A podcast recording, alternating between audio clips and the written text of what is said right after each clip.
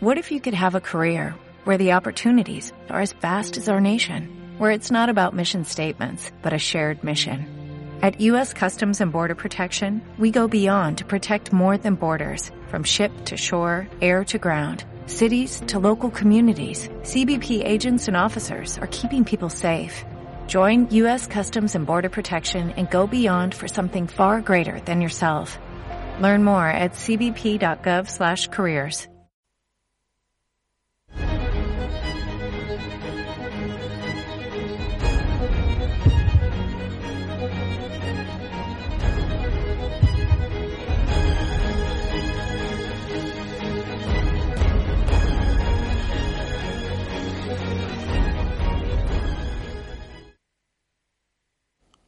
Què tal? Sigueu tots molt benvinguts al Cultura Política, una setmana més aquí a Cultura FM i també els que ens veuen en reemissió a través de, de TVCAT. Avui un programa ben carregadet, eh, parlarem sobretot de, de l'actualitat, és a dir, de les manifestacions que s'estan vivint aquests darrers dies a Barcelona i arreu del territori a favor de Pablo Hasél i també parlarem sobre el Parlament, que en la propera legislatura serà el que més dones acollirà. Tot això avui aquí, a continuació, al Cultura Política. Comencem.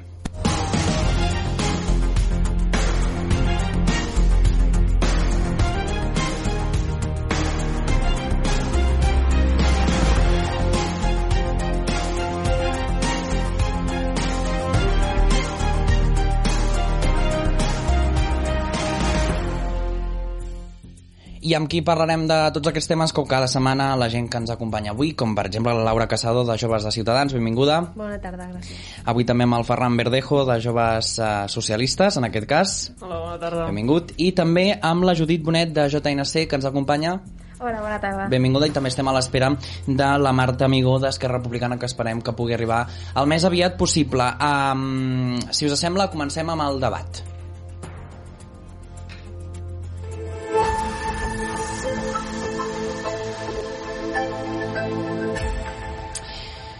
Doncs comencem amb el debat. Eh, parlàvem al, al sumari del programa doncs, d'això, de les manifestacions a favor de Pablo Hasél, de, que avui fa una setmana que es van iniciar aquestes, aquestes concentracions um, arran de la seva detenció a la Universitat de Lleida. Si et sembla, Ferran, comencem per tu, unes manifestacions que ja uh, ascendeixen a un milió d'euros en destrosses del mobiliari urbà públic de Barcelona, en aquest cas. Quina valoració en feu? Sí, hola, bona tarda. Doncs con, condemnar enèrgicament doncs, aquestes accions violentes que es fan tant a mobiliari urbà com bé, com bé has dit i que suposen un cost per tota la ciutadania. No oblidem que tothom paga els seus impostos i que per tant tothom uh, surt doncs, uh, afectat per aquestes, per aquestes, jo no diria manifestacions, sinó actes de, de violència i, i bé, no només a, a nivell municipal sinó també a nivell a, privat també molts comerços afectats i, i la, la condemna més, més total. Doncs el PSC que condemna aquestes uh, concentracions, aquests actes vandàlics, Laura Casado, uh, vosaltres també ho condemneu en aquest cas? Sí, bueno, la verdad es que es vergonzoso ver cómo ya llevamos una semana con estos altercados. El... Si et pots posar una miqueta al micro que et sentirem millor. Sí. Ara, a... Sí, Perfecto. decía que es una, una, vergüenza seguir viendo estos altercados en las calles de, de, Barcelona. Llevamos siete noches viendo las calles de Barcelona incendiadas y con gente que se dedica a, a desvalijar las, eh, los comercios que hay por la zona. No sabemos esta noche qué es lo que sucederá.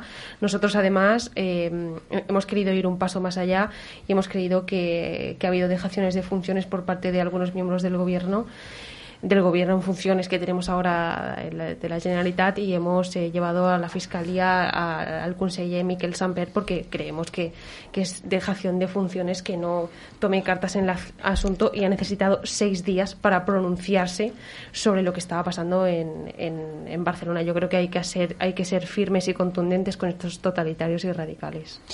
Um, ara ja pot, estem a punt de...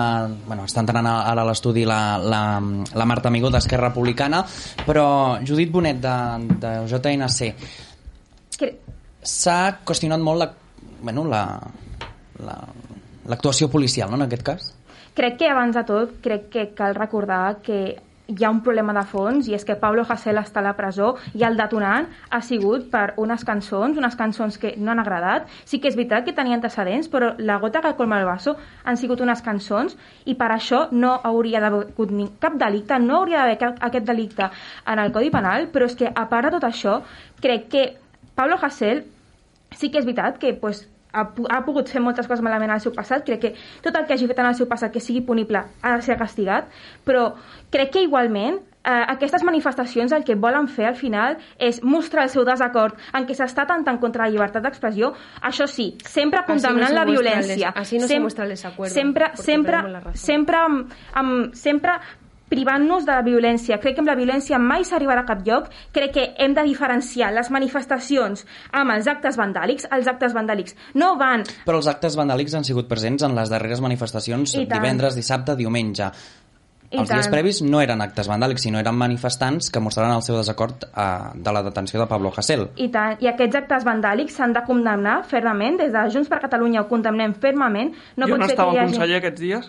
El conseller aquests dies està investigant tot el que està passant amb Sis aquests Mossos de quadres... Sis declaracions sense condemnar els actes vandàlics? Home, estan passant moltes coses, però cal remarcar per sobre de tot que són 17.000 persones en el cos de Mossos d'Esquadres el que està passant aquests dies. S'ha d'investigar, òbviament, perquè és intolerable l'actuació de la Brimo, però són casos aïllats. Intolera... El... Són intolerables els casos que hi ha.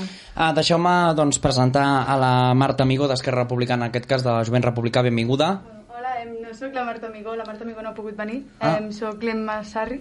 L'Emma Sarri, perfecte. Perdoneu que tenim un, un, un problema amb els noms. Doncs bé, uh, benvinguda, Emma. Um, et volia fer una pregunta ja per començar. Estem parlant sobre el, doncs, les detencions de Pablo Hasél, les manifestacions arrel d'aquesta de, doncs, detenció. Um, des d'Esquerra Republicana s'ha condemnat la violència, però també s'ha demanat eh, doncs, fer una, una revisió de les actuacions policials. Per què desconfieu tant dels Mossos d'Esquadra en aquest cas? A veure, jo, per començar, vull donar tota la meva... Si et pots acostar al micro... Sí, perdona, vull donar tota la meva solidaritat amb el, amb el Pablo Casell, el seu empresonament, com bé ha dit la, la companya, és un atac a la llibertat d'expressió i les injúries a la corona no haurien de ser delicte. Eh, a veure, jo crec que des d'Esquerra Republicana, bueno, i des, jo crec que tothom veu que és, les actuacions dels Mossos aquests dies estan sent injustificades. És a dir, que buidin un ull a una noia de la meva edat per anar allà a manifestar-se quan no estava fent, no estava cometent cap delicte en aquell moment, home, Eh, després també les imatges que vam poder veure l'altre dia entre a, a Gran de Gràcia, entre Jardinets de Gràcia i plaça Lesseps, són vergonyoses. És a dir, que els Mossos eh, encapsulin a uns manifestants i els comencin a donar de porres, això és injust. A veure, és una mica desafortunat dir que eh, els Mossos van buidar un ull, un ull a, una, a una noia eh, amb intenció de fer-ho, vull dir. Home, Nosaltres condemnem totes les, totes les persones que s'han vist afectades per la intervenció de la policia, però també hem de tenir, hem de tenir present que eren persones violentes, no, no. molt violentes... Però això mai és excusa per buidar Molt violentes i la policia... Per favor, que teniu la Conselleria d'Interior, per favor, clar, per, per favor. Però és que segur, però és que estic segura que els eh? Mossos no van anar a buidar-li l'ull a la, a la, a la, a la, a la noia, per favor, però mm, entenem, si plau, que tampoc podem... Aquestes manifestacions eh, bueno, necessiten un tipus d'intervenció específica i, i hem de tenir present que eren persones violentes, persones molt organitzades, persones que ja tenen un recorregut en fer aquests actes vandàlics, perquè ja ho hem vist en, en altres ocasions a Barcelona, i jo crec que eh, eh, els governants, els partits polítics, els polítics, no han de titubejar en pronunciar-se en condemnar aquest tipus d'actuacions, no. per favor. I, i perdoneu que, que puntualitzi, el Pablo Hasél no ha estat empresonat per cantar o per fer cançons. El Pablo Hasél ha estat condemnat per eh, injúries a la, a la corona i també per enaltir el terrorisme. I també per agredir un periodista de TV3. No sé si podem veure una captura que tenim sobre l'agressió a un periodista, a un càmera de TV3, Um, bé, ara, mentre la preparem, uh, en aquest cas, aquest seria el càmera i el periodista el veiem a, a la mà dreta. i Pablo Hasél amb un spray intentant doncs, agredir-li al, al periodista amb molta llibertat d'expressió en aquest cas no veiem en aquesta, en aquesta foto quina valoració en feu? És, és clar, això, això és intolerable, això s'ha de condemnar i, i ha de ser Però condemnat no- per no això. faltem I a la ja ho veritat, no faltem Deixa'm a la parlar, veritat. Deixa'm parlar i després jo et deixo parlar, jo t'escolto Sí, la ara, ara crec que si, és el que he dit abans, si té antecedents aquest home i ha comès delictes com l'agressió aquesta que condemno fermament a aquest periodista TV3, doncs que se'l condemni i que se'l jutgi per allò. El que, pel que no se'l pot jutjar i per al que no se'l pot eh, posar un delicte a sobre és per haver fet una cançó amb tota la llibertat d'expressió del món criticant el rei. Crec que això no pot estar penalitzar per una llei que, perquè realment aquí el que està tentant és contra la llibertat d'expressió de les persones perquè aquí si no hem de delimitar molt bé quina és la línia vermella entre llibertat d'expressió i opressió que crec que no està marcada i des del govern dels socialistes tampoc l'estan marcant perquè ve que també condemneu molts tipus d'actes com aquests però ve que no sou incapaços de derogar la llei Mordassa en el vostre govern progressista com digueu ser Ferran Gràcies. Bé, primer no faltem a la veritat per respecte a tots els que i totes les que ens escolten, no? El Pablo Hasél està a presó perquè ha agredit dos cops, hi ha una condemna de dos anys de la setmana passada que es va ratificar, per tant, dos anys ja són, amb, les, amb els antecedents ja són suficients per entrar a presó, per tant, no està per una cançó, això no faltem a la veritat, nosaltres hem dit que a la revisió del Codi Penal de tots aquells punts que afectin a la llibertat d'expressió estaria bé revisar-los, i ho vam dir, i el govern d'Espanya està amb això. Però repeteixo, no faltem a la veritat, perquè Pablo Hasél no està a presó per unes cançons, està a presó per agredir a un periodista, per agredir a uns testimonis i per uh, fer doncs, totes aquestes Totalment. accions una darrere l'altra. I per tant són uh, acumulats a anys de presó. Per tant, no faltem la veritat. Això primer. I segon, volia, sí. volia uh, demanar a la companya d'Esquerra i de Junts uh, podés una notícia que, que, que no sabeu, eh, i la llenço aquí. Mm, els vostres partits estan al govern el vicepresident en funcions de president o el nom que, que s'hagin inventat doncs ha tardat sis dies sis dies en sortir és una vergonya i el partit de Junts està criticant el conseller del seu propi partit. Això és una vergonya i és un desgovern. I ojalà no tinguem 10 anys més de desgovern i Salvador Illa aconsegueixi el suport això, per fer el mateix que ha fet el Ministeri de Sanitat Sí, sí. Uh, preparar una vacunació a l'Estat i ser dels 10 primers països al món amb més Per estar a la vacunats. cua, per això, com en tots els per això, d'Europa, Per això, com i eh, per estar dintre, dintre dels 10 primers països a nivell de, de vacunats. Per això. i per què no ho ha fet durant tot aquest temps Un moment, sí, sisplau. sí, sí, deixa'm, ja ho està. deixa'm fer-li una pregunta a l'Ema en aquest cas. Um, defenseu a, doncs a Pablo Hasél i, i condemneu totalment la seva, la, el seu empresonament, però m'agradaria saber, uh, creieu que heu perdut la raó amb les darreres manifestacions a Barcelona i, a, i arreu del territori?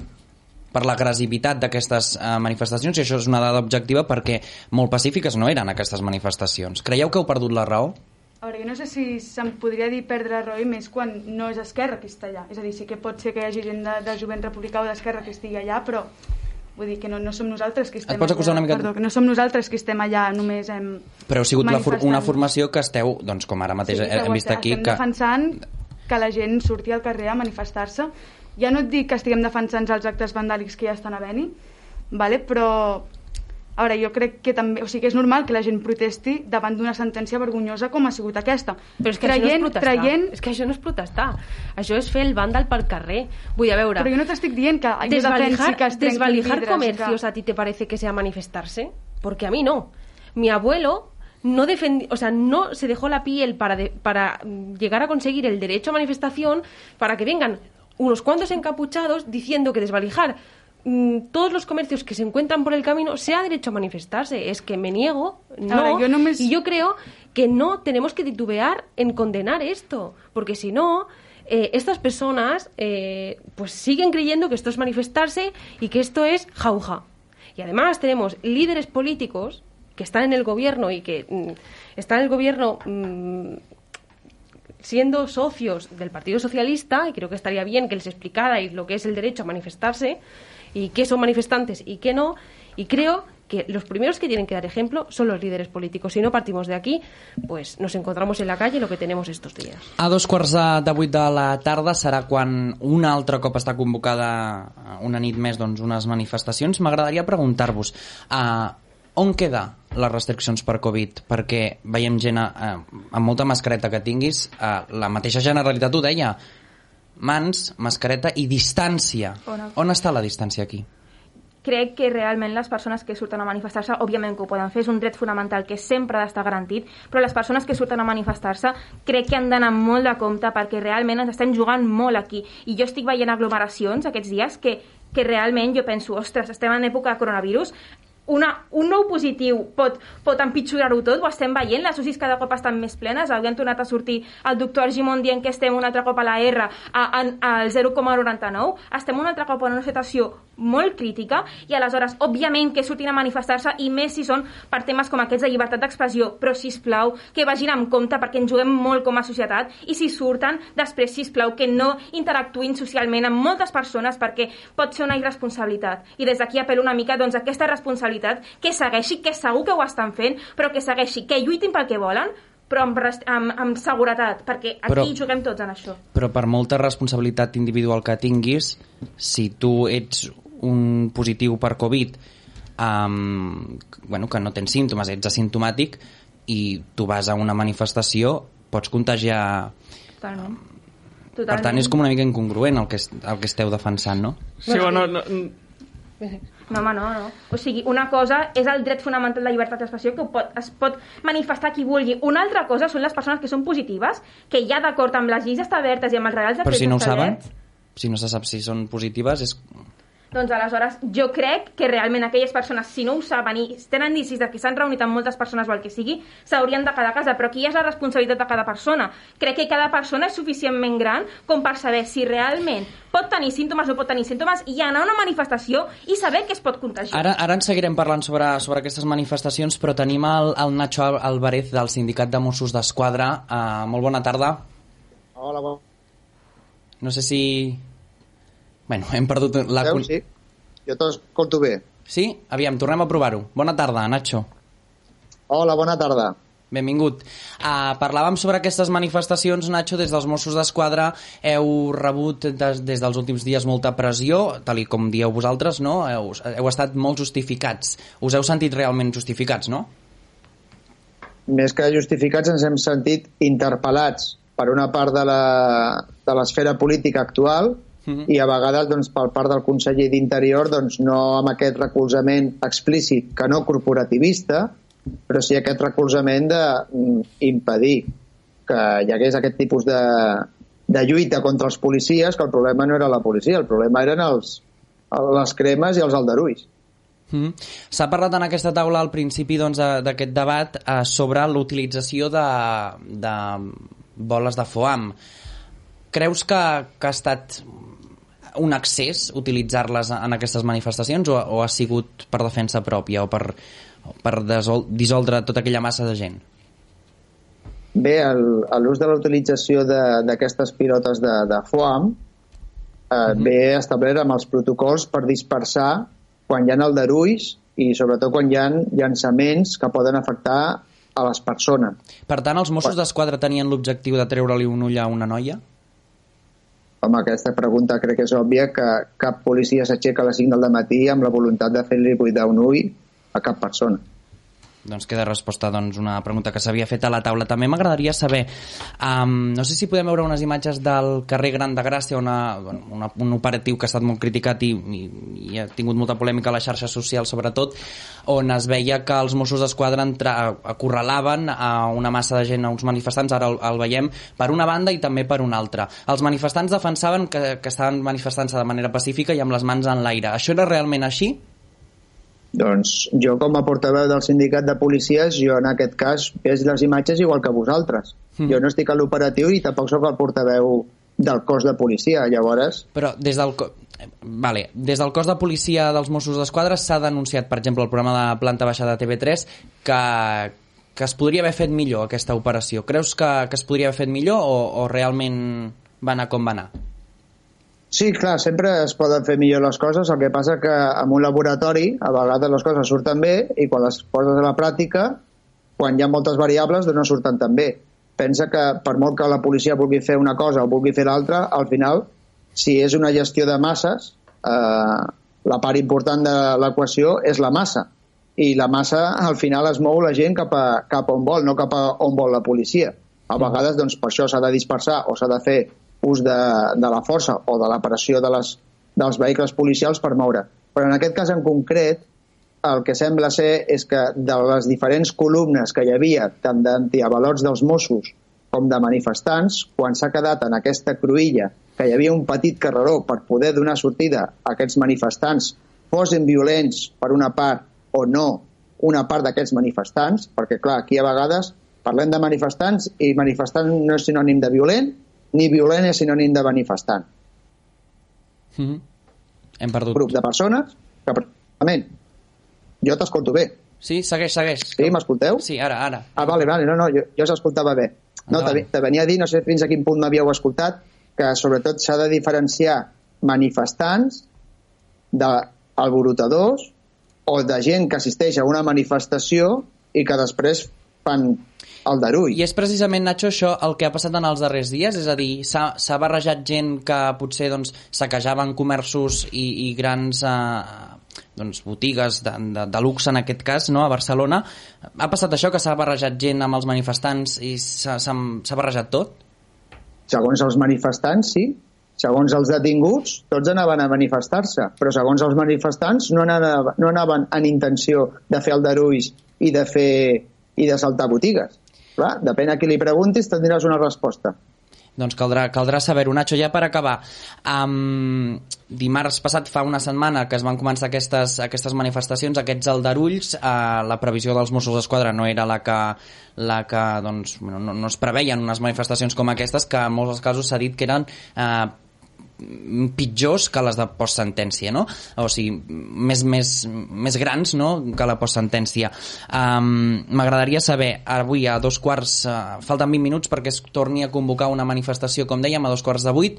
Quina és la previsió de Mossos d'Esquadra? És a dir, uh, us sentiu desprevinguts o uh, us, us, us sentiu ja preparats per, per enfrontar-vos a aquesta massa de gent? Bé, pensa que nosaltres a nivell policial sempre estem preparats. Una altra mm -hmm. cosa és que la força a nivell d'efectius sigui la que realment es pot necessitar. Pensa que també a l'hora de convocatòria doncs els manifestants, quan demanen fer una manifestació, han d'informar de quanta gent preveuen que arribin a aquesta manifestació. I un exemple, si jo vaig, faig una manifestació i crec que poden venir 200 persones, doncs potser envio dos furgonetes de policia. Però clar, si me diuen que poden venir 40.000, doncs enviaré moltes més. Però estem preparats estem cansats de que cada nit hi hagi aldarulls, però no per això estem menys preparats. El que sí que demanem a nivell sindical doncs, que hi hagi més formació, més material per a aquestes unitats que dia rere dia la societat exigeix més de la seva policia, en canvi la societat doncs, dota d'aquests mitjans per poder donar aquest servei de qualitat. Doncs moltes gràcies, Nacho Álvarez, del Sindicat de Mossos d'Esquadra. Gràcies per estar avui amb nosaltres. Bona tarda. Gràcies a vosaltres. Bona tarda. Doncs uh, seguim parlant, seguim parlant sobre, sobre aquest tema, no? perquè m'agradaria preguntar-vos el tema del, del Covid i, i, i tot el que estàvem explicant. Això fa que aquesta manifestació sigui il·legal per molta llibertat d'expressió i per molta dret a manifestació. Creieu que, que s'ha de seguir manifestant dins d'aquesta línia, com s'està fent fins ara? Una manifestació crec que mai pot ser il·legal perquè aquí estàs, perquè aquí estàs coartant directament la voluntat de les persones en un dret tan fonamental com és l'expressar-se i el manifestar-se davant d'aquelles coses que no volen. Crec que mai pot ser il·legal. Això sí, els actes vandàlics, els actes violents, els atentats contra les botigues i empreses privades que estem veient, òbviament que això sí que és il·legal i ha de ser jutjat i per mi aquelles persones que atenten contra comerços són delinqüents. Són delinqüents perquè estan atentant contra béns jurídics privats d'altres persones i això no es pot permetre. Aleshores, això sí, però la llibertat d'expressió mai pot ser il·legal. Saquejar comerços ho veiem en els darrers dies, sobretot ara ho veiem en imatges, eh? però cremar contenidors eh, i tot el que s'ha vist en els primers dies de, de, doncs, després de la detenció, això no, no s'ha de condemnar, Emma, si, si vols respondre tu.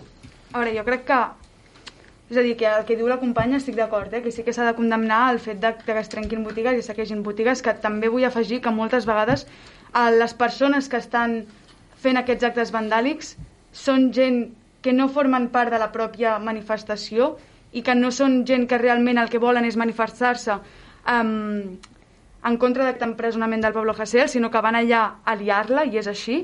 La majoria de gent um, antifeixista que va allà um, no comet aquests actes. Sí que és veritat que és possible que aquesta gent sí que Sí, però està- cremi contenidors Sí. um, per Però estàvem parlant ara, eh, més enllà d'aquestes... Bueno, de, de, de trencar vidres, i de, etc. Eh? Però el que et demanava, per exemple, en els primers dies de manifestacions es veien doncs, motos eh, d'una persona que potser treballa a Barcelona cremades a causa de les barricades. Això no es condemna? A veure, jo això sí que ho condemnaria, però vull dir, no, no saps qui ha fet això. Jo sí que ho condemnaria. El que Home, no condemnaria... no? Sí, però vull dir que no, no, que molts cops no se sap la persona exacta que ha fet allò. El que no condemnaria és el fet de fer barricades, per exemple. Em, si tu t'està venint la policia pel darrere, t'està venint una brimo, em, que més d'una vegada han estat a punt d'atropellar gent, vale, perquè tu et venien pel darrere, i a mi això m'ha passat, i no em vingueu dient que no, perquè a mi això m'ha passat, jo entenc que tu fi- fiquis una barricada i cremis aquell container, i això no és violència. Es pot això entendre no que és un violència. container que estan pagant tots els contribuents de Barcelona i per, Sí, igual que jo també pago impostos per l'educació, tampoc és la millor perquè no, no uh, se saben manifestar perquè la manifestació és un uh, dret uh, de tothom i es poden manifestar. Tu creus que realment cal cremar un contenidor pagat per l'Ajuntament de Barcelona pagat pels impostos dels ciutadans i les ciutadanes de Barcelona? És mm, no, o sigui, s'ha de fer sí o sí? Tu creus que és normal? Ara, jo no crec que Creus que és fer normal sí. una Jo crec que per autodefensa sí que es fer pot fer. barricades? És normal? Jo crec que per autodefensa sí que es pot fer, i més veient que els, la revolució dels somriures no ha funcionat, vale? És a dir, espera, Però- em, deixes, em deixes acabar? Sí, sí. Em, és evident que els joves, vull dir, sentim ràbia per tot el que està passant, però més per la situació precària que estem vivint aquests darrers anys. Em, Això ho estem vivint tots i totes? I Tots no anem a, a cremar tots els containers, joves, per no favor? els que estan cremant Siguem Barcelona. una mica seriosos i serioses. Eh? Tots estem en aquesta situació de crisi econòmica, de, de est- poder accedir, no poder accedir al mercat laboral amb unes condicions eh, dignes. Això ho estan passant molts joves i a Catalunya. I per cert, el govern on vostès eh, han, han participat no és que hi hagi posat gaire remei. Però per això no anem a cremar contenidors. El que fem és manifestar-nos, eh, proposar, fer proposicions de llei i treballar pel bé de, de la ciutadania, no cremar containers perquè sí perquè aquest, moltes aquesta, aquesta crisi l'estem containers- vivint tots i totes Vale, les joves sí, de molt bé, Catalunya. però, però aquest, o sigui, aquests containers no es cremen perquè... Ai, mira, o sigui que jo, jo el que sí que condemnaria són els containers que es cremen de la nada, eh? Però hi ha molts containers d'aquests que es cremen per tu protegir-te de que després et buidin un ull. Vale? Però és la manera. A veure, jo és que jo, en, A veure, jo no diré jo he si és la participat manera. en Un moment, moltes... Laura, No, no, que digui, que digui. Jo he participat en moltes manifestacions i jo no m'he hagut de protegir de la policia. Vull dir, a veure... I, I què has aterre- canviat en aquesta manifestació? Digue'm? Què has, què has canviat en aquesta manifestació? T'has fet escoltar realment? Ah, o sigui, que haig de, de cremar No, al no carrer això, però perquè m'escoltin. No, però i aquestes persones canviaran alguna cosa després cremant... O sigui, cremant... Home, la repercussió mundial que està tenint és bastant més que segurament les manifestacions que has anat tu. Ah, o sigui, molt bé, o sigui, vull dir, les manifesta- manifestacions les hem de convertir en un caos total No, tampoc et dic això. per, perquè ens escoltin. Doncs jo crec que no. I una altra cosa, jo crec que els, els, els grans perjudicats són els, les persones d'aquests comerços eh, i després haurem de mirar els ulls a aquestes persones i dir-los, bueno, aquestes, aquestes persones surten en massa al carrer eh, per, per destrossar el carrer, però vosaltres no podeu posar una terrassa, vosaltres no podeu obrir eh, a determinades hores. Eh, jo crec que estem eh, enviant missatges contradictoris a una part de la població que amb la pandèmia ja ho ha viscut bastant malament i que ara, a més a més, s'ha- s'ha- han de veure que els seus comerços i les seves botigues i els seus locals estan, estan sent eh, bueno, destrossats per aquests manifestants. jo no que jo no els diria eh? ni manifestants. És a dir, jo això no ho defenso. El fet de Però que defensant coses... que, que es cremin containers Un i container que... no és una propietat eh, privada, ni és un restaurant, ni és una tenda de luxe, que és el però, que s'està però, la, perso però la persona, Però- la però- persona Ferran. que viu a Barcelona Sí. ho està pagant també. Sí, gràcies. No, puntualitzar una cosa, o, o que m'aclareixi una cosa la companya de, de, de la GER, el jovent republicà, que ha dit. Uh, ha demanat, heu aconseguit alguna cosa a les manifestacions pacífiques? Uh, jo estava en una manifestació per a les rebaixes de taxes universitàries i no hem aconseguit perquè el, el vostre govern no ha volgut i ha mantingut les taxes uh, privatives a Catalunya. I per tant, li ha de demanar al vostre govern si uh, serveix o no les manifestacions perquè no ens, ha uh, uh, no ens han fet cas. I el que sí estàs dient és que el- si el govern hagués baixat les taxes universitàries, si haguéssim cremat un container, et dic que no és la manera. Uh, abans, de, abans de tot, m'agradaria recuperar perquè en aquest programa fa dues setmanes vam veure, un- vam, vam veure unes declaracions de Teresa Jordan al programa de l'Estat de la Nació de TVCAT um, on, on després de veure anem a veure-li i ara fem una valoració, si us sembla. Ho dic en el sentit perquè aquí tots els presents, si més no en aquell moment, ens vam conjurar a que aquest procés seria un procés cívic i pacífic. Si això ha de canviar, ens tornem a seure i ho tornem a parlar. Eh? Llavors alguns decidirem, els que són pacifistes, segur, escolteu, nosaltres pensem que s'ha de fer d'una altra manera o no? La revolució dels somriures no ha aca- ho acabes de dir fa, un, fa uns moments. Coincidint amb les declaracions que acabem de veure de Teresa Jordà, això vol dir que mm, les manifestacions, l'independentisme, etc etc etc, um, va a l'alça a nivell de violència, va a l'alça, o sigui, va a la baixa a nivell de, de pacifisme? Ara, jo això no, no ho sé, és a dir, aquesta manifestació no és, no és per independentisme, no? que diguéssim. Um, sí que és veritat que, per exemple, la de la postsentència sí que era un contingut més, o sigui, es manifestava per un contingut més polític a nivell independentista. Um, sí que vam veure com el que està passant ara també va passar. Um, no, vull dir, no, no et puc respondre si va a la baixa o a l'alça, l'únic que sí que les, els indicis um, bueno, sí, sí que estan anant una mica Bé, però si, més... si, si la revolució dels somriures, com has dit tu, va a la baixa, l'opció és, és anar a l'alça amb, amb un altre tipus de manifestacions perquè es faci més perquè es faci més eco, o no? Ara, o sigui, jo torno a repetir, eh, que tot el que tu deies ara de em, saquejar botigues tal, jo no estic d'acord. Em, no estic d'acord en, en, en uns nivells de violència. Ara, torno a repetir que crec que cremar un container no és violència i en moltes ocasions és autodefensa. Doncs, doncs queda dit, autodefensa o, o violència és, és un, un, un fil molt prim i, i costa de diferenciar. En aquest cas esteu d'acord amb el que ha dit la, la companya Emma. Mm, Esquerra yo es que me quedo sin palabras, la verdad. Que cremar un container se diga que es autodefensa me parece increíble. Y me parece también increíble que se. Y, y bastante. mm, Me da bastante pena que, que la compañera, por ejemplo, hablaba por los, los jóvenes por extensión. Yo no me quiero relacionar con los jóvenes que están haciendo, o sea, me niego a pensar que los jóvenes catalanes y los españoles en general son como estas personas que están eh, desvalijando y destrozando las calles. Me niego. Yo creo que los jóvenes catalanes son personas solidarias, personas, como decía el compañero antes, que también están viviendo una situación difícil eh, por la crisis, por porque no encuentran trabajo, porque no pueden emanciparse, porque mm, hay una brecha digital que no les permite seguir su educación mm, como deberían y no salen a quemar containers ni, ni a destrozar la calle para lanzar piedras a la policía. Judit, que Jo que- fas. Sí, jo amb el que deia Revolució dels Somriures, crec que el que necessitem és confrontació política, ni revolució dels somriures, però ni molt menys actes vandàlics. Però és que igualment, fent ponderació de vents, crec que igualment em quedo amb la, la revolució dels somriures perquè almenys no fem mal a ningú, no atentem contra ningú, ens expressem lliurement i, ojo, la repercussió, potser tindrem una mica menys repercussió, però 100% que serà molt millor que aquesta repercussió que es pot tenir dels actes vandàlics on es veuen tendes... Eh, amb foc, on es poden veure motos cremades, on es poden veure el, els vidres del Palau de la Música trencats, crec que això no dona repercussió bona. Dona repercussió, dona ressò mediàtic, sí, però no crec que ni molt menys sigui bo i menys per la causa que s'intenta justificar.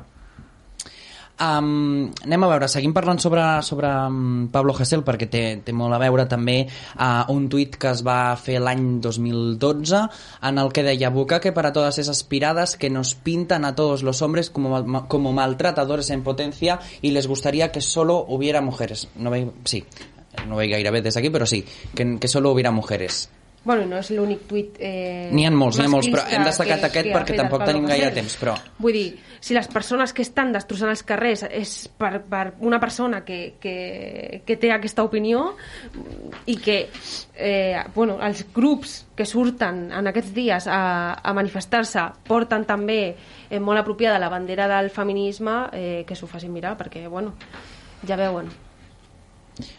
Ferran, Sí, mm, jo llançaré una pregunta que quin adjectiu li posaríeu a una persona, els aquí, aquí presents, que diu això a, a les lluitadores, que diu perquè pensi diferent es mereix, per exemple, un socialista una bala al, al cap, o que algú es mereix simplement per pensar diferent que rebenti el seu cotxe quan, quan ell estigui dins. Quin qualificatiu, qualificatiu perdó, li posareu a aquesta persona? Pos? Vergonyós. Doncs en aquesta sala eh, s'ha dit eh, total suport a aquesta persona. Per tant, esteu donant no, també tot no, el no, suport no. a tot el que envolta s'ha dit aquesta tot el persona. suport perquè estigui ara mateix jutjat per un delicte d'injúries contra la corona, no contra tot l'humanès. I jo li volia llançar una altra pregunta a vostè. Vostè condemna que se l'hagi condemnat per injúries a la corona? I, independentment dels altres delictes, però condemna Mm. com a partit socialista? Veig, veig que no m'ha escoltat anteriorment quan li deia que ja el govern d'Espanya, encapçalat per Pedro Sánchez, està revisant el Codi Penal i eh, s'eliminaran tots aquells... I ho, eh, tots els, i ho fareu amb la mateixa sigui- efectivitat que la llei Mordassa? No, s'està treballant. I què ha passat amb la llei Mordassa? Perquè molt prometre i crec que el, el govern PSOE-Podemos s'ha quedat en res. Sí, jo, jo crec que venint de la JNC, si no m'equivoco, sobre drets... I, Perdó? i per, sobre drets no, no, pot, Per no pot parlar gaire, no? Per Perquè què? ja hem vist les amistats amb el Partit Popular en tots aquests anys enrere, Majestic, etc. Per tant, una mica d'humilitat, la JNC amb Partit una Popular? Mica, una, una mica d'humilitat. Fes-ho mirar perquè la JNC en cap moment aparta amb el Partit Popular. I Junts per Catalunya, tampoc. Junts per Cat- Convergència i Unió, d'on provenen... A Convergència i Unió, però Ah, és una altra igualment... cosa. Convergència i Ara Unió és un em altre vindrà, partit. em vindrà amb zero, que hem, que hem Conver- crescut de zero diputats Convergència i. Unió és un altre partit que ja actualment Clar. no existeix. Junts per Catalunya es Ja va formar l'agost ja em passat. coneixo el llibre. Fa falta. D'acord, uh, recuperant... Un moment, Laura, ara et donaré pas, però recuperant el que deia Judit uh, tu, um, creus que um, la gent o la majoria de manif- manifestants que s'estan sortint uh, en suport a Pablo Hasél, creus que només saben el tema doncs, que ha estat uh, condemnat encara que realment no és així perquè ha estat condemnat per altres coses ha sigut, com deies tu al principi, la gota que ha colmado el vaso no? el tema de, les, de la injúria a la corona i també l'enaltiment al, al terrorisme creus que només la gent va en suport a Pablo Hasél per això i no coneixen el rerefons d'aquesta persona? Doncs ho desconec. Sí que és veritat que la mediatització fa que només es doni a conèixer el fet de que Pablo Hasél doncs, se l'ha jutjat per un delicte d'injúries I creus que això és lícit? crec que s'hauria d'informar de tot. Crec que s'hauria d'informar tot, però no per això les persones que surten al carrer denunciant que se l'hagi jutjat per un delicte d'injúries a la corona no crec que estiguin fent res malament i que poden estar allà tan tranquil·lament, crec que no fan res dolent, tot al contrari, que crec que està bé que estiguin allà perquè estem davant d'un delicte que s'ha de derogar, no, es, no pot haver-hi un delicte en el Codi Penal que protegeixi d'aquesta manera les crítiques contra una corona. També cal dir que la gent que està en suport a Pablo Hasél han de veure aquesta imatge, no sé si la podem veure, sobre un tatuatge que es va fer públic als matins de TV3 a Pablo Hasél amb un arma al braç. Això no sé si s'ho ha fet a Medding, uh, però veiem que això ha sortit als matins i per tant està supercontrastat. Mm, quina resposta en feu, si vols tu, Emma? Quina... Bueno, jo diria el mateix que la companya, és a dir, la gent no està al carrer perquè defensen, o sigui, defensen el Pablo Hasél en plan, com és ell, sinó està defensant el, que la, la sentència que, que li han imposat és injusta, que és el que està dient ara mateix la companya. I crec que El no delicte, només... sí. Bueno, sí, que és, és un delicte. Per tant, estàs dient que és injust, uh, o sigui que és just uh, agredir a un periodista de TV3? No, però jo no t'estic dient això, jo t'estic dient que la però és gent que Pablo està sortint... Hasél ha estat condemnat, uh, Pues entre clar. altres coses, per això. Vale, però jo no t'estic dient això, jo t'estic dient que la gent està sortint al carrer per defensar la llibertat d'expressió. No la resta Bueno, de coses que que cada vez que Pablo vamos viendo un poco de Pablo Hasél nos vamos retirando un poco Sí, no, a no, ver si nos salpica. no, que- no, no, faltem, no. no tornem a faltar la que- veritat. Pablo Hasél està a presó pels delictes d'agressió que són els que més anys de pena tenen. Dos anys, Totalment. per exemple, el de la, el de, Tu- el de la setmana passada. Totalment. Si voleu, mira, fem una resta. Traiem els 9 mesos, dos anys. Amb, amb, amb, amb el que tenia anteriorment, hauria d'estar presó. Genial. Per tant, perfecte, però almenys no se l'hauria entenc jutjat la- la- per un delicte contra injúries a la corona. ultrança d'aquest personatge. Però almenys no s'hauria jutjat per un delicte contra les injúries de la corona per criticar el rei. Aleshores, aquí, doncs, d'acord, que entri a la presó, però almenys no està criticat per, per injúries a la corona, almenys no ha entrat a, a, a la presó oprimint-se la seva pròpia llibertat d'expressió. Si ha fet coses malament aquest home, que entri a presó, òbviament, perquè al final ha faltat a ben jurídics. Doncs ja el que no, d'acord? El que no pot ser és que entri amb un dels delictes que és injúries a la corona, que es tregui aquest delicte directament. Altres coses, òbviament, que entri a la presó per tot l'altre i que sigui jutjat perquè està molt malament el que ha fet. Però això no excusa que hi hagi un delicte que no pugui estar allà perquè realment no hauria d'existir, perquè atenta contra la llibertat d'expressió. Vostè mateixa ho ha dit. Uh, condemna el, els atacs violents de Pablo Hasél i Totalment. hauria d'estar a presó per aquest uh, motiu. Ho està.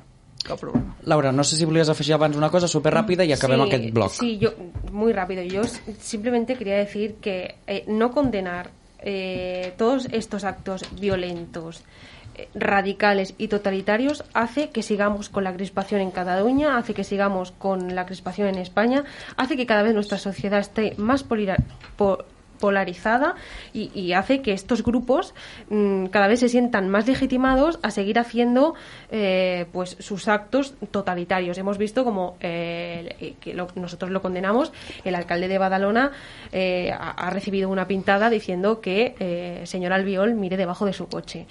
Como los eh, representantes políticos son incapaces de señalar a los totalitarios y decir que esta no es la vía, pues vamos a seguir teniendo esto mucho tiempo. Doncs acabem aquest bloc, si us sembla, una foto del de, fotògraf Morelli aquesta, un petó davant de les, de les barricades de divendres o dissabte, ara no, ara no, no ho recordo bé, però, però bé, el contrast aquest. Gràcies, gràcies a tots quatre per, per, per participar en aquest debat. No, no us acomiado, evidentment, eh? seguim, seguim parlant. Ara sobre eh, el Parlament de Catalunya, que en la propera legislatura serà, doncs bé, el, el, la legislatura amb més dones dins del Parlament.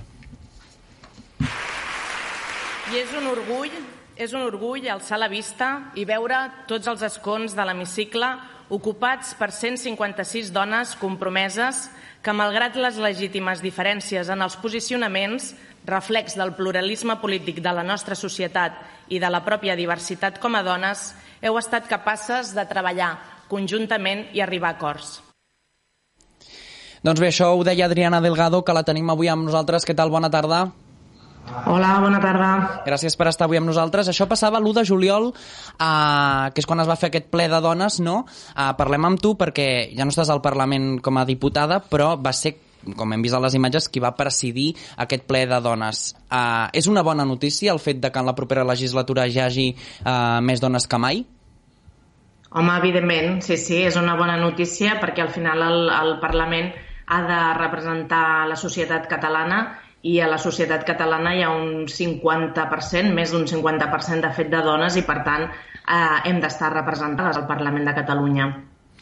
Uh, tot i això, uh, s'ha dit a molts mitjans de comunicació que el fet de que hi haguin mm, moltes dones uh, al Parlament de Catalunya en la propera legislatura, aquest no ha sigut el motiu o, o l'elecció del, del votant.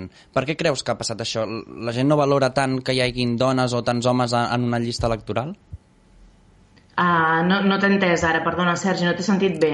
Sí, és a dir, que s'ha dit en molts mitjans els darrers dies que el fet de que hi haguin dones, eh, més dones al Parlament de Catalunya, eh, no és el motiu pel qual el votant, eh, l'electorat ha, ha votat en les, en, les, eh, en les darreres eleccions doncs, a les candidatures. Per què creus que és això? Perquè no, no s'ha valorat gaire o, o que la gent li és igual que hi haguin dones, que més homes que dones?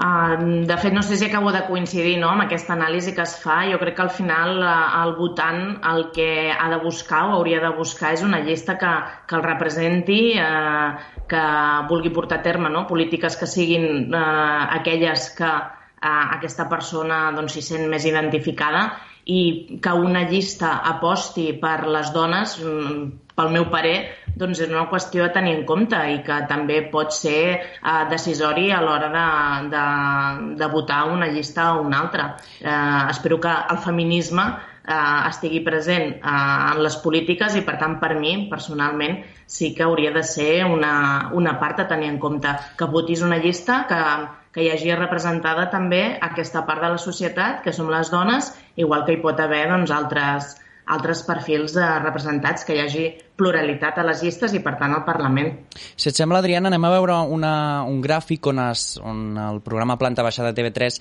resumia les candidatures. En aquest cas, PSC té 17 dones dels 33 diputats que entren al Parlament, Esquerra 17, eh, Junts 15, Vox 3, la CUP 5, En Comú Podem 3, Ciutadans 2 i PP 2 um, com deies, és una bona notícia, no? Però el fet de que Vox tingui tres dones uh, és motiu doncs, de, de confirmar realment el que, el que ells diuen que no, que no, que no, no és veritat, és a dir, que, que vellen per la igualtat entre homes i dones, però realment uh, això ho, ho confirma o no, o, no, o no té res a veure? No crec que ells apostin precisament per tenir representació femenina a les llistes, per tant, eh, ho confirmen aquestes xifres precisament. Mm. Eh, es veu quines llistes han apostat per aquesta presència femenina eh, en aquest gràfic precisament i de fet els tres eh, primers partits eh, més votats tenen més dones, tindran més dones que homes a, al Parlament. En aquest cas, Esquerra Republicana, que tenim avui a l'Emma Sàrric, de, que coincidiu de partit, l'Adriana la, Delgado també estava al, al, al Parlament de Catalunya per Esquerra Republicana i ara és alcaldessa de Sant Vicenç de Castellet, al Bages, per, també per Esquerra Republicana. M'agradaria um, saber, a Esquerra Republicana, de fet, com deia, hi ha una dona transexual, també és un, és una, és un avenç, això, no? Evidentment, és que al final també eh, la societat és com és, és plural, eh, és diversa i és el que et deia al principi, que el que hauríem de fer els partits és treballar per llistes que realment fossin representatives com ho és la societat no? i que tinguéssim aquest, eh, aquests perfils diversos com els té la societat. I això encara queda molt per treballar, però que doncs, hi hagi eh, més dones que mai al Parlament eh, apunten en aquesta direcció que hi hagi una persona també transexual apunta en aquesta direcció, com en molts d'altres perfils. No? Al final és com representes a la societat i, i, i que es veu en, aquesta, en aquest Parlament, que al final és un reflex també de la societat. No sé si des de la taula li voleu fer alguna pregunta a l'Adriana. No? Doncs bé, moltíssimes gràcies, Adriana Delgado, per estar avui amb nosaltres. Bona tarda. Bona tarda, que vagi molt bé. Una abraçada. Doncs uh, parlem, seguim parlant sobre aquest tema de, doncs, de, del ple, bueno, en aquest cas del, del Parlament de Catalunya, que en aquest cas tindrà uh, moltes més dones que, que en les darreres legislatures. Des del PSC, quina valoració en feu? Doncs eh, bé, orgullosos i orgulloses no, de que cada cop més el Parlament doncs, sigui mostra de la seva ciutadania, de la diversitat i, i, i de i d'una representació que justament el Parlament ha de ser la representació de la ciutadania de Catalunya i per tant eh, com més s'apropi aquesta igualtat doncs, doncs molt millor no? des de, per exemple des del PSC que dèiem, veiem que era un dels partits amb més eh, dones. Sempre hem apostat doncs, per, per, aquesta, per aquesta via per, per un orgull de, de ser el partit que defensa el feminisme a la, a la resta de l'Estat i concretament també a, a Catalunya. És un dels nostres lemes i un de les nostres accions uh, polítiques, feminisme, ecologisme i justícia social. I per tant doncs uh, també puntualitzar una dada que, que, que ens donaven d'aquestes enquestes postelectorals que el PSC ha estat el partit més votat per, per les dones i per tant és un orgull per, per nosaltres també que, que triïn el PSC com a, com a partit de, de referència a Catalunya. És el que dèiem abans amb l'Adriana, no? Um, això, el que estem fent avui és un debat sobre aquest tema, sobre la, les dones al Parlament, i això fa uns anys hagués sigut impossible, no, hagués sigut impensable de parlar-ho en un programa de ràdio de tele, no?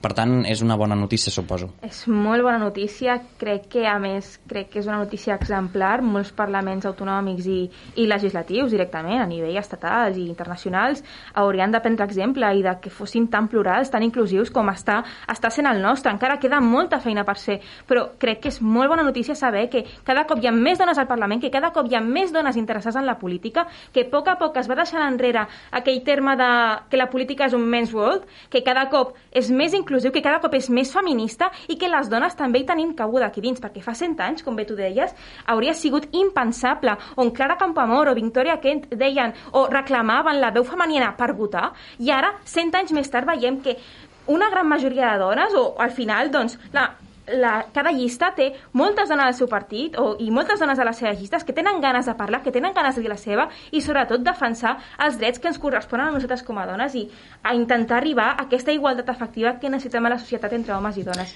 Tot i això, ara, ara, ara et deixaré parlar i tu també, Laura, eh? però um, tot i això uh, hi ha més dones al Parlament, ja s'ha vist en aquesta gràfica, que no sé si la podem tornar a veure, companys, però la pregunta és, moltes més dones al Parlament, però es, uh, Esquerra Republicana, no, uh, Junts i en Comú Podem han sigut els únics uh, partits que han apostat per una cap de llista uh, dona.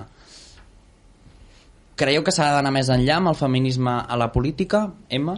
Bé, jo, bueno, el que anava a dir abans, eh? crec que és un gran avenç que tinguem... Bueno, i celebro que hi hagi més dones al Parlament, però crec que no es pot quedar aquí i hem de ser més dones als espais de poder.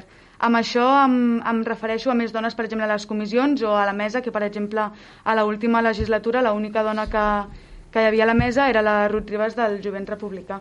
Uh Mhm. -huh. I, bueno, i això, eh, crec que també cal crear referents femenins en, en política. Ciutadans, tres diputades.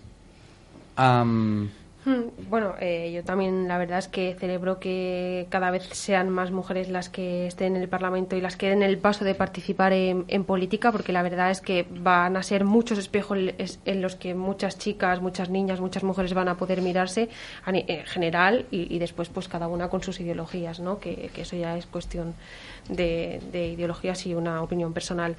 Eh, nosotros celebramos de que, bueno, de que haya más, más mujeres. Eh, queremos defender que, que las mujeres en las listas no sean cuotas, no seamos unas cuotas, sino que, que esto sea vaya por méritos, por, por capacidades, porque las tenemos, como las tienen nuestros compañeros los hombres, Eh, y que esto sirva también que el Parlamento haya, que tengamos más mujeres para trabajar en políticas reales eh, de igualdad, que podamos eh, eh, liderar propuestas para mejorar la igualdad en Cataluña y también para luchar contra la, la- lacra que es la violencia de género. Yo creo que tenemos una oportunidad de oro que es tener tantas mujeres en, en el Parlamento y que yo creo que, que en esto van a haber grandes, grandes acuerdos o deberían haber grandes acuerdos porque, porque esto nos afecta a todas. Ara, ara ho estem veient aquí a la pantalla, vosaltres no, eh? la, la aquí, Vox contra la llei de violència machista. Um, Vox entra al Parlament de, de Catalunya amb 11 escons i, i sembla un paral·lelisme, no? que hi hagin moltes dones al Parlament, més que, que tota, la, tota la història, però Vox, que és un partit que diu que no, però, però en realitat està votant, per exemple, ara contra la llei de violència masclista. És, és com un paral·lelisme o no? Bé, sí, però la, les declaracions de, de Vox tampoc eh, sorprenen a ningú de, a cap de, de les, els que estem aquí, no? Perquè, com hem vist, també han volgut, eh, volíem fer el dia de les eh, víctimes de Covid, el dia 8, Mm. i, bueno, eh, esperpentós tot el, el, el que proposen des d'aquest des d'aquest grup i malauradament doncs, ha entrat al Parlament i ha entrat al Parlament amb molta més força de la que esperàvem i, de, i ojalà no tingués cap representant, eh? però, però serà també un de les, uh, dels temes i, i, i serà un, de, un tema també de, de tractar durant aquesta legislatura de, entre tots i totes doncs, fer un cordó sanitari a l'extrema dreta. Estem pendents també sobre doncs, les manifestacions d'aquesta tarda a Barcelona. Um, tenim do, dos finestres, TV3 i altres mitjans de comunicació, per saber si comencen aquestes manifestacions. De moment doncs, uh, no, no tenim imatges per mostrar-vos, però um, m'agradaria dir-vos els micromachismes com es podrien um, doncs, lluitar dins d'un Parlament. O sigui, el dia a dia com, com es tractaria? Des de, per exemple, des de JNC, què és el que proposeu? Home, els. Micromasclismes, eh? El, Perdona. mir- els micromasclistes des del Parlament jo crec que s'han d'atacar directament des del faristol.